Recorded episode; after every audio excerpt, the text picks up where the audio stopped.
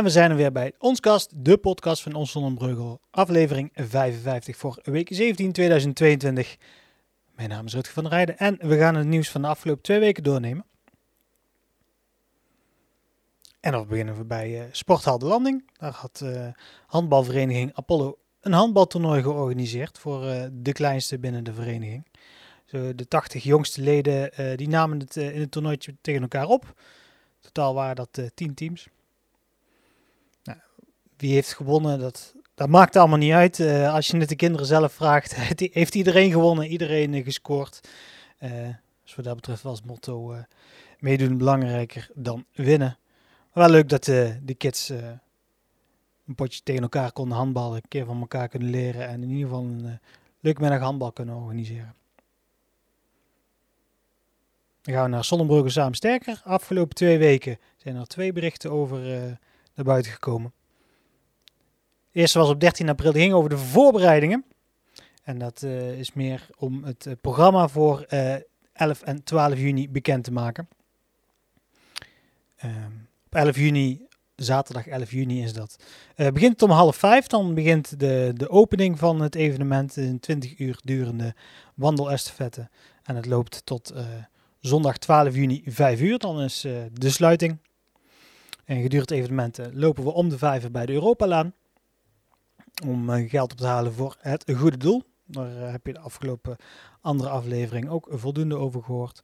Ehm, tijdens het evenement zijn er ook live, is er live muziek van uh, lokale artiesten met een groot podium voor de vijver. Op het podium wordt zelf ook op spinningfietsen gefietst en op loopbanden hard gelopen allerlei verschillende manieren wordt er uiteindelijk uh, uh, geld opgehaald uh, op een sportieve manier tijdens uh, Sonnenbrugge Samen Sterker. 11 en 12 juni. Ik ben vandaag nog op pad geweest om nog een ambassadeursvideo op te nemen. Die zal de komende tijd wel, wel gedeeld gaan worden door de organisatie van uh, Sonnenbrugge Samen Sterker. Ik zei al, dit is bericht 1. Daarna komen we nog terug op volgende. Maar we gaan eerst naar de Office Center. Office Center uh, op Eckensigheid vrij bekend. De uh, keten van uh, kantoorbenodigdheden die heeft daar een vestiging. Moet, ja, ik moet eigenlijk zeggen, had daar een vestiging, want in maart is Office Center failliet verklaard. Hadden een schuld van 70 miljoen euro.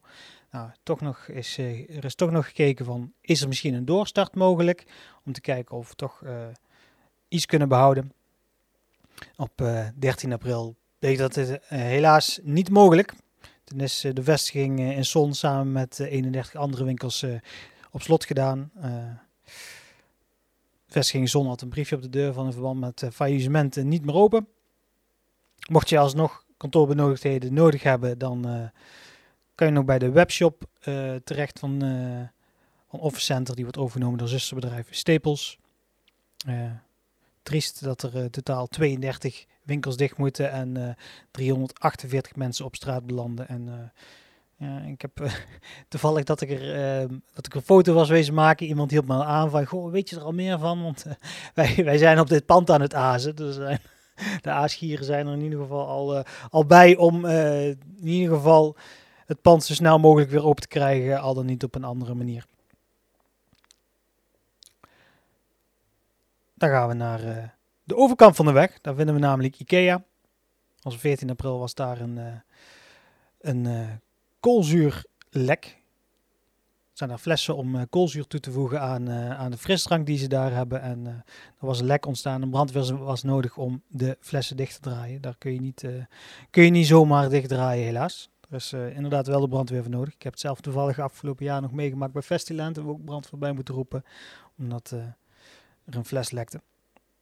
Nou, door, het, uh, door het lek was er tijdelijk geen koolzuurhoudende frisdrank verkrijgbaar. Dat is logisch. Nou, brandweer uh, van Eindhoven is ter plaatse gekomen, hebben fles dichtgedraaid en er is een monteur ter plaatse gekomen om het lek te dichten. En uh, toen dat eenmaal weer voor elkaar was, kon er weer frisdrank geschonken worden. Ja, naar Koningsdag. Koningsdag is komende woensdag. En zoals ieder jaar is er weer volop te doen voor jong en oud. Op 26 april Dat is Koningsnacht, noem ik dit altijd. Is oranjebal in La Sonnerie. En Koningsdag zelf kun je bijvoorbeeld naar Vroege Vogel Wandeltocht. Je kunt naar de Koningsmarkt op de Gentiaan. je kunt naar de Serenade van de Gedecoreerden. Dat zijn de mensen die dan de lintjes gekregen hebben op 26 april. Ehm, of gewoon naar het centrum gaan, terrassen zijn open, er is van alles te doen. Ehm, wil je nou weten wat er te doen is en waar, kun je natuurlijk op de site kijken. Er staat precies aangegeven wat er allemaal te doen is op Koningsdag in Zonnebreugel. Ja, dan kom ik weer terug bij Zonnebreugel Samen Sterker. Die hebben namelijk ook de handen ineengeslagen met uh, de avondwandelvierdaagse. Avondwandelvierdaagse is uh, vlak voor uh, de Zonnebreugel Samen Sterker. Nou, daar hebben ze mooi uitgekozen, want van, van 7 tot en met 10 juni is het uh, de avondwandelvierdaagse. Dat wordt uh, georganiseerd door Jongerencentrum Oase. En 11 en 12 juni, dat zijn uh, de twee dagen daarna, is het ook Zonderbrugge Samen Sterker. Met andere woorden, het is gewoon van 7 tot en met 12 juni een en al wandelplezier in Zonnebreugel. Nou, dan zou je denken van, die, die kunnen elkaar wel goed, goed aanvullen. En dat gaan ze ook doen. Vooral voor de kinderen gaan ze dat doen. deelnemers van de avondwandelvierdaagse uh, de kinderen dan, die krijgen, uh, kunnen meedoen aan een speciale kinderloop. Dan krijgen ze een, eh, een, medaille voor hun deelname. En zoals iedereen die meewandelt bij de avondwandel vierdaagse. En die krijgen ook een kanjerdiploma. die kinderen worden ook aangespoord om vooral mee te doen met de kinderloop van Samenloop voor Hoop. Om zo geld in te zamelen voor het goede doel. Er is ook een wedstrijd uitgeschreven met een, een kleurplaat in ieder geval de, de focus voor beide evenementen is er uh, op de kinderen en zo kijken van uh, hoe kunnen we de kinderen aan het wandelen krijgen en ook geld ophalen voor het goede doel. Deelname is gratis, dus uh, aan de kinderloop. Dus ja, als je, als je kids hebt, laat ze vooral meewandelen. 7 tot en met 10 juni tijdens de avondwandelvierdaagse en 11 en 12 juni tijdens Zonnebreugel Samen Sterker.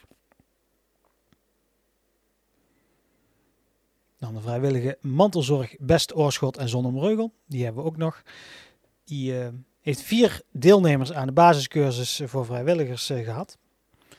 Nou, wat houdt het in? Nou, ze krijgen vier dagen cursus en in die cursus leren ze hoe dat zij mantelzorg moeten verlenen.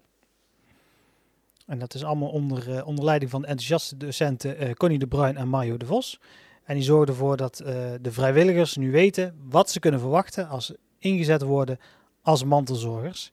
En ehm, die zorgen er zeg maar voor dat mensen die uh, mantelzorg verlenen eventjes ont, uh, ontlast worden van, uh, van de mantelzorg door die vier vrijwilligers. En de thuissituatie eventjes wat tot rust kan komen. In ieder geval voor degene die de mantelzorg normaliter verleent.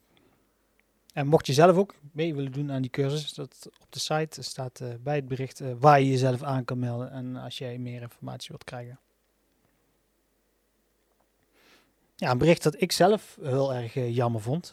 ik was er twee weken geleden al van op de hoogte gesteld.